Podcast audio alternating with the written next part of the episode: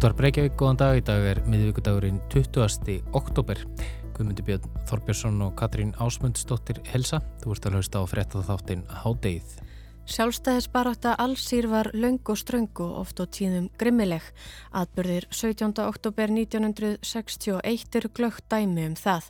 Þá réðist lögreglað allsýrskum mótmælendum sem höfðu sapnað saman til að mótmæla útgöngubanni um nætur í París sem aðeins skildi um allsýringa. Myrti tugi eða hundruði mótmælenda og köstuðu svo líkonum í signu. 60 ári eru liðin síðan voðaverkin áttur sér stað og á sunnudaginn var þeirra minnst í Parísaborg. Þá varð Emmanuel Macron fyrsti fórseti Fraklands sem tekur þátt í minningaratöfn vegna atbyrðana. Og þar sagðan atlögu lauruglunar ófyrirgevanlegan glæp en var í kjölfarið gaggrindur fyrir að stíga ekki skrefi til fulls, byggja allsýringa ekki formlega afsökunar á ódæðinu og viðkenna ekki þátt franska ríkisins í því. Í setni hluta þáttarins ræðum við við Torfa Túlinjus profesor við Háskóla Íslands um atbyrði 17. oktober 1961, sjálfstæðisbaráttu allsýr og samskipti ríkjana í dag.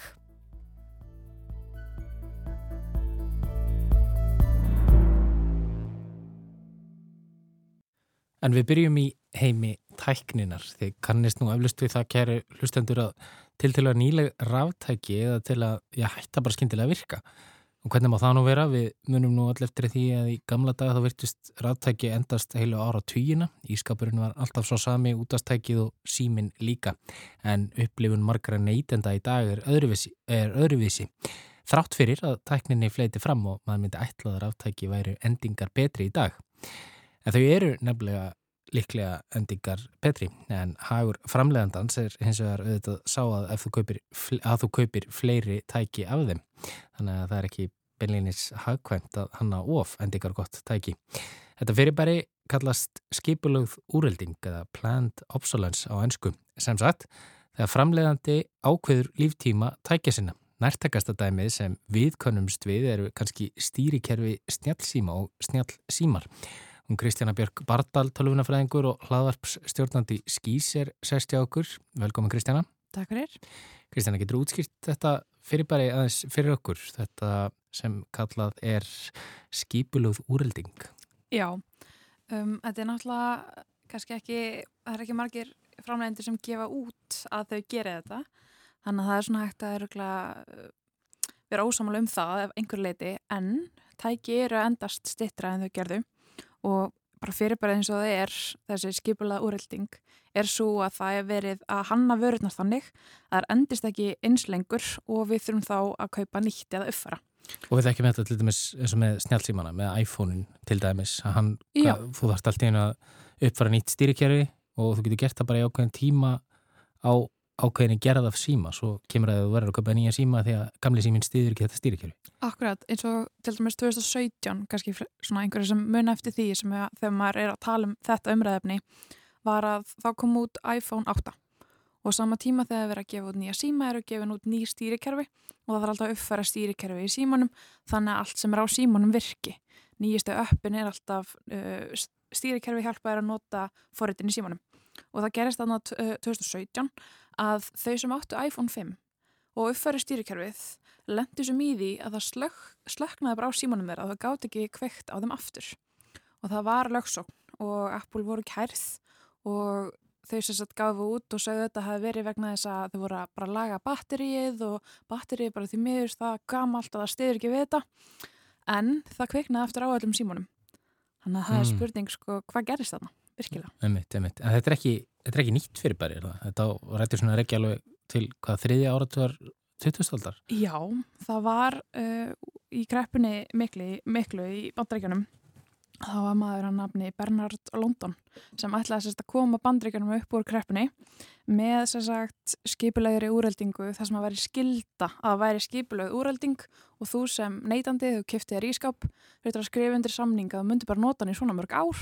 Og ef þú myndir nota hann umfram það þá þyrstur þú að búðist borga skatt eða væri bara að brjóta samningin og þetta var svona ákveðin leið sem átti að fara en það, hún var ekki farin. Já, þetta átti þá að auka sagt, framleiðslu og, og á nýjum tækjum og þar alveg veit að fleiri fólki vinnu eða eitthvað svo leiðis Já, og takmarka það að þú ættir sami ískapin í 20 ára En þetta er sko, svo er líka önnur saga að þarna 1922 eða 24 að það áttu ljósapyrir framleiðendur að hafa hist. Að því þarna var ljósapyrirna orðin bara mjög góð. Þannig frá því Edison um, fann hann upp fyrir lengu og það var farið að gerast að fólk átti ljósapyrirna svo lengi að það var ekki verið að selja ljósapyrir og á þessum fundi í Genfi Sviss áttu þau að hafa ákveðið að gera gæði ljósapyrirna verri þannig að myndi selja meira af þeim mm -hmm. og á næstu fjórum árum að þá jógst salan um 25% og það var eitthvað sem gerðist þarna. Nefnitt. En svo hefur líka verið rétt um að já, maður eigi að hafa einhvern rétt til þess að já, láta gera við hluti og það er ekki þannig að maður getur látið hvert sem er gera við ákveðna rættæki eins og til dæmis ákveðna tegundra snjálfsýmum. Það eru bara viðkendir aðlar sem geta gert, gert við á. Akkurát, ef við hugsaum okkur bara þessi tæki sem við um, þú veist, símar og úr og, og tölvutnar, að mikið af þessu er mjög erfitt að komast inn í þetta er límt saman og það eru eins og bara velbúin að það eru neður líka flókin þannig að það eru ákveðni vottarir aðilar sem eiga að gera við Já, hlutina. Hanna er bara þannig Já. að aðeins þessir aðilar geti gert við á og þannig að þau þurfa að fá teikningar og leifningar til þess að geta laga hlutina. Þannig að velbúnaðurinn er flókin og ekki vera að gefa út hönnun á þeim heldur. Þannig að það eru bara ákveðin aðalega sem geta gert við þetta, þannig að þeir þá kannski eru með dýrar að verð. Þannig að þetta er eitthvað sem er í gangi að vera hérna, reyna að fá réttendi til þess að hver sem er geti laga tækið sín. Því þú ert að kaupa tækið og ef það er síðan að fara úrelda þá þarfst að geta laga það og, og keift inn varluti og svo framvis. Þannig að þetta er líka mikilvægt í þessu. Svo kannski líka byrjum maður á litlu landi eins og maður þekki það að sko ég fari með síma í viðgreina heima, fari svo aftur út til bandaríkjana og ekki, þeir hafa ekki vilja sko snertan, taka við honum ábyrðin bara búin að því að einhver annar er búin að snerta síman eða reyna lagan. Akkurat og það er líka mjög algengt að þegar þú ferð og segist vilja láta laga þá er oft sagt já en það er ótrúlega dýrt, ég myndi bara kaupa hérna nýja vöru, það er bara tvöfald dýrara en hún endist er þá lengur. Þess, það er svona ákveðið í markasplaninu hjá sem fyrirtækjum líka náttúrulega því þau eru bara hagnaðadrifin. En hver er staðan á þessu núna? Er, er einhverjar svona einhverja blikur á loftu um að, um að þetta muni breytast að við sagt, munum þá geta bara farið til eh, viðgerða mannsins á hotninu og hann, hann getur gert við, við græðunar okkar ef, ef það er skildi bila. Sko það er eitthvað í gangi til dæmis ei, um, hópar á við um Európa-samvættis voru til dæmis núna að fá það í gegna allar snúrur er einst þannig að hvernig þú hliður símaðinn. Og það er eitthvað á lofti líka með það þessi hérna, réttindi að laga hlutina að sé opnara og breyðara og aðgengilega fyrir fleiri hópa. Þannig að það eru vonandi einhverja breytingar í því að við getum laga hlutin okkar og átt á lengur. Ég mitt, já, við skulum bara vona að þetta, já, það verði úr því að þetta er náttúrulega kannski líka, þetta er náttúrulega, þetta er líka bara einhvers konar svona umhverfisatrið, þetta er eins og, eins og stundu talað um hérna svona eins og fast fashion sem maður, maður sletti, við séum að kaupa út í född og, og þau endast ekki neitt og þá þurfum að kaupa fleiri og fleiri og fleiri og Akkurat, þetta er ekki bara í tæknibransanum, þetta er í mörgum bransum sko. Einmitt, einmitt. En kæra þakki fyrir komuna í hátegi Kristjana. Við eh, höldum áfram eftir hátegi og þá ætlum við að ræða við Tóra Túlinius, professor við Háskóla Íslandsum, samband Fraklands og Allsýr. Á sunnudaginn 17. oktober voru 60 ár liðin frá því að franska lauruglan myrti 20 ef ekki hundruði allsíska mótmælendur í París og kastaði líkunum í ána signu. Mótmælendurnir voru saman komin til að mótmæla útgöngubanni um nætur í París sem aðeins skildi um allsýringa. Þessir atbyrðir áttu sér staðindur lok langrar og strángar, strángrar baráttu allsýringa fyrir sjálfstæði frá frökkum. Baráttu sem skildi bæði ríki eftir í sárum sem sum hver eru enn í dag ógróin. Á sunnundag var voðaverkana minnst í París og þá varð Emmanuel Macron fyrstur Fraklands fórseta til að taka þátt í minningaratöfn vegna atbörðana. Macron, sem sagði atlugu lauruglu ófyrirgevanlegan glæp, hefur þó verið gaggrindur fyrir að stíga ekki skrefi til fulls og byggja allsýringa formlega afsökunar fyrir hönd franska ríkisins. Katrín tekur nú við og ræðir við Torfa Túlinius, professor í íslenskum meðaldarfræðum við Háskóla Íslands og fyrir um professor í frönsku um samband þessara tveggja ríkja, Allsýr og Fraklands, fortíð, nútíð og framtíð.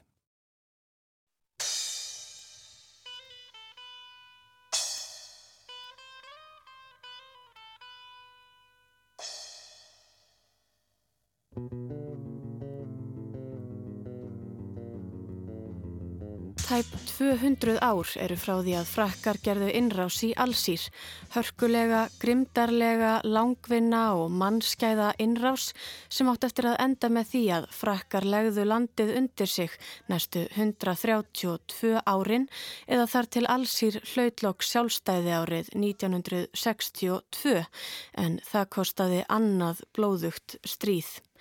Blóðuga sjálfstæðisbaróttu sem hófst 1954 og gekk á með voðaverkumilli stríðandi fylkinga fram að sjálfstæði. Frakland ætlaði ekki svo létt að gefa upp yfiráð sín í allsýr líkt og grimdarverk frönsku lauruglunar gegn allsýrsku mótmælendunum 17. oktober 1961 eru til marks um og baráttan skildi bæði Frakland og allsýr eftir lengi í sárum sem jafnvel eru enn ekki fyllilega gróin í dag og enn ber á spennu í samskiptumilli ríkjana tveggja líkt og sjá má á orðum og gjörðum Fraklands fórsetta við minningaratöfnina og viðbröðunum við þeim. En til að skilja betur samskipti ríkjana tveggja og stöðuna í dag spurði ég Torfa Túliníus út í forsöguna, stóra samhengið. Frakkar lagði undir sig allsýr, svona ekkert á öðrum þriðjungi 19. aldar. Þetta var þá hluti af Ottoman-veldinu. Þetta er sem nýlenda þeirra og þetta er einn svona bjöfurlasta og ríkasta nýlenda þeirra það eru margir frakkar sem setjast þarna þeir líka flytja inn líka fólk frá Spáni meðal annars til að uh, setjast það rað og þetta fólk eru allt þá uh, frakkar það er í franska skóla og uh, nýlendan er tróast með Fraklandi þá hún hafi alltaf þessa nýlendu stöðu. En fólki sem að bjóð þarna í upphafi það er berberar og fólk sem að talaði arabísku það var náttúrulega jáðarsett í þessu samfélagi að verulegu leiti og uh, í eh, svona bæði fyrir og eftir setni heimstyrjað verður þarna sjálfstæðið seyfing og henni vex ásmegin ekki síst á árunum eftir setni heimstyrjað og þá hefst 1954 hefst allsýr stríði og þetta er eh, grimt og langt og ömurlegt nýlendu stríð og þetta er frelsistríð allsýringa og þetta er eh, svona klífur ekki bara algísk eh, íbúvana í allsýr þetta er líka fransku stjóðina það eru þeir sem að hafa taugar og rætur eða rætur í allsýr bæða franskum uppruna og, og múslimskum en svo eru líka þeir sem að viðurkenna bæði í Fraklandi og í allsýr er rétt eh, allsýrbúa til að, að ráða sér sjálfum. Og þetta er ræðilegt stríð, það er mikið mörg grimdarverk sem eru framinn, það fyrir þessu terrorismi eða hermdarverk bæði í Allsýr og, og í Fraklandi og um, bara túsundir manna eru drefnir og, og þetta er mjög ömulegt og hefur í förna sér líka mikla pólitískar hræringar í Fraklandi því að frakkar voru náttúrulega mjög uh, klopnir í þessu og meðal annars þetta í svona Já, í miðjustriðinu 1958 þá verða í raun og veru, veru mikil pólitísk kreppa og um, stjórnin sem að þá var við völd, hún fellur og, og líðveldið sem að þá, því svo kallar fjórða líðveldi, franska líðveldi, það bara sínur saman og de Gaulle sem hafi verið helst í þána beri fransk sjálfstæðis í setni heimstíðar þegar að Frakland var herrtekið af þjóðurjum, hann er kallaði til og, og tekur völdin og hann er við völd þarna 1961 þegar að þessi atbyrðir sem að verði er að minnast núna áttu sér stað þarna 16. oktober 1961.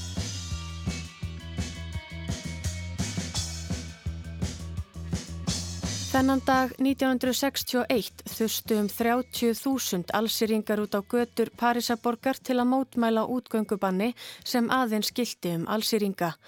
Lauruglustjóri borgarinnar Maurice Papon brást við af hörku og let lauruglu yfirvöld skjóta á gönguna með þeim afleðingum að fjöldi mótmælenda let lífið eða særðist. Eða eins og Said Abtút, einn eftirlifenda voðaverkana orðaðiða. Lóreglan kom og hófað strádrepa fólk. Þeir börðu það með kilvum í hausinn og spörkuð í það. Ég hef aldrei orðið vittni að öðru eins.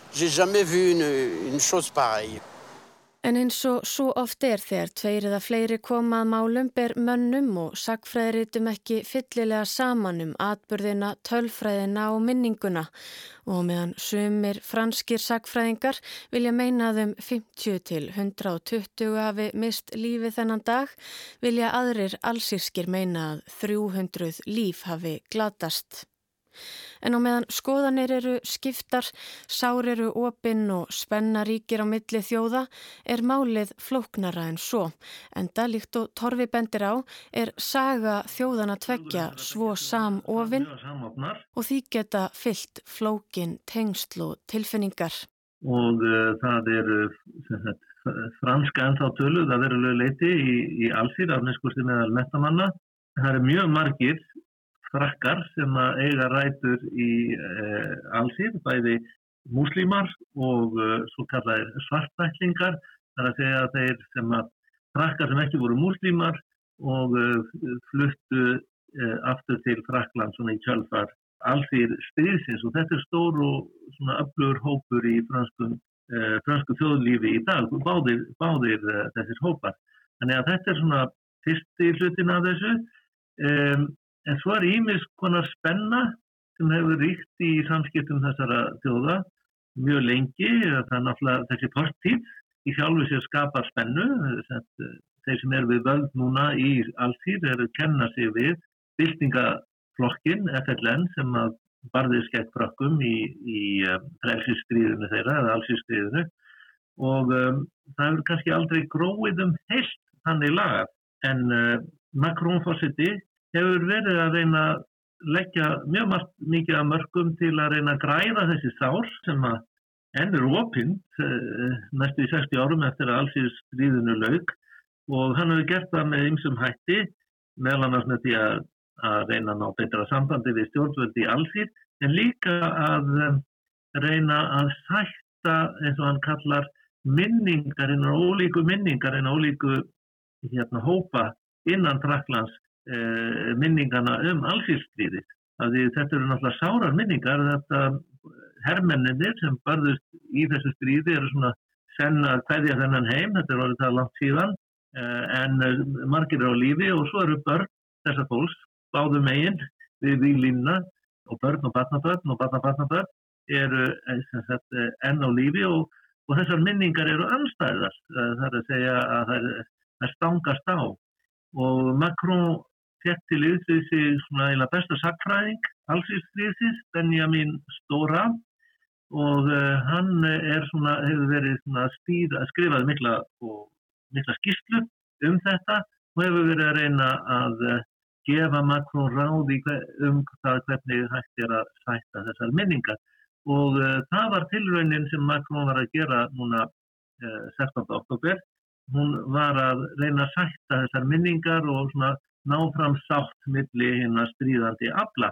og uh, hann steg mjög mörg skref sem að uh, enginn fraklandsfossiti hefur stíð hingað til í að viðkenna í raun og veru svona, já, hvað, uh, hvað lauruglan í raun og veru framti marga glæpi þegar hann var að kreða niður þessi mótmæli allsýringa hér í París 16.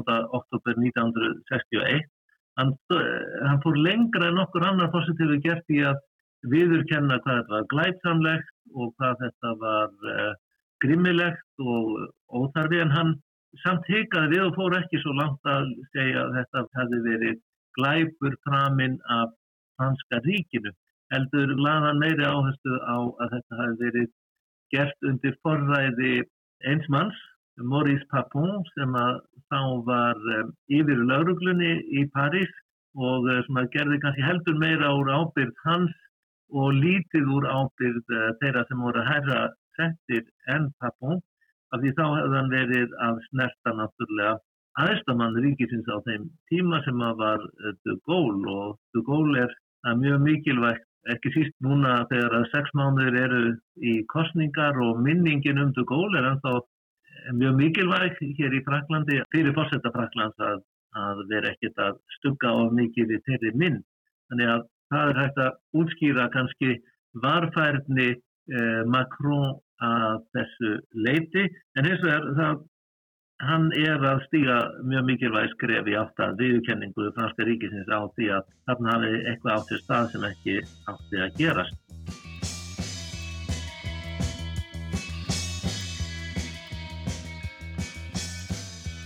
Ákveðin tilraun eða viðleitni til sátta hjá Makrón, skref sem aðrir fraklandsfórsettar hafa kannski ekki stíið áður. Þó aðeins hænuskrefa mati margra en Makrón hefur mætt mikilli gaggrinni í kjölfar minningaratafnarinnar meðal annars frá frönskum sagfræðingum, stjórnvöldum í allsýr og heimspressunni sem segja ummæli hans aðeins undankomuleið fyrir fórsetan með því að fara svona einhvers konar millileið geta hann komið sér undan því að þurfa að axla fyllilega ábyrð, stíga skrefi til fulls, byggja allsýringa formlega afsökunar og setja ábyrðina á franska ríkið en ekki aðeins á lögreglu yfirvöld þess tíma. En hvað segir Torfi um þetta? Er þetta framfara skref hjá Makrón eða aðeins undankomuleið?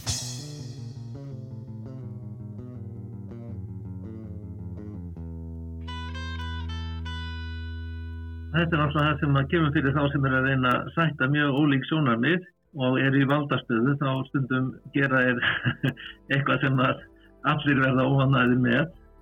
Og uh, ég skal ekki dæmi um það hvort að uh, hvort að verði lítið á þetta í framtíðinu sem skref fram á við. En, en uh, þessi sakfræðingur sem ég nefndi áðan Benjamin Stóra sem að er svona sá sem er veit mest og best um þessi mál að hans áliti var þetta mjög mikilvægt skref fram á við.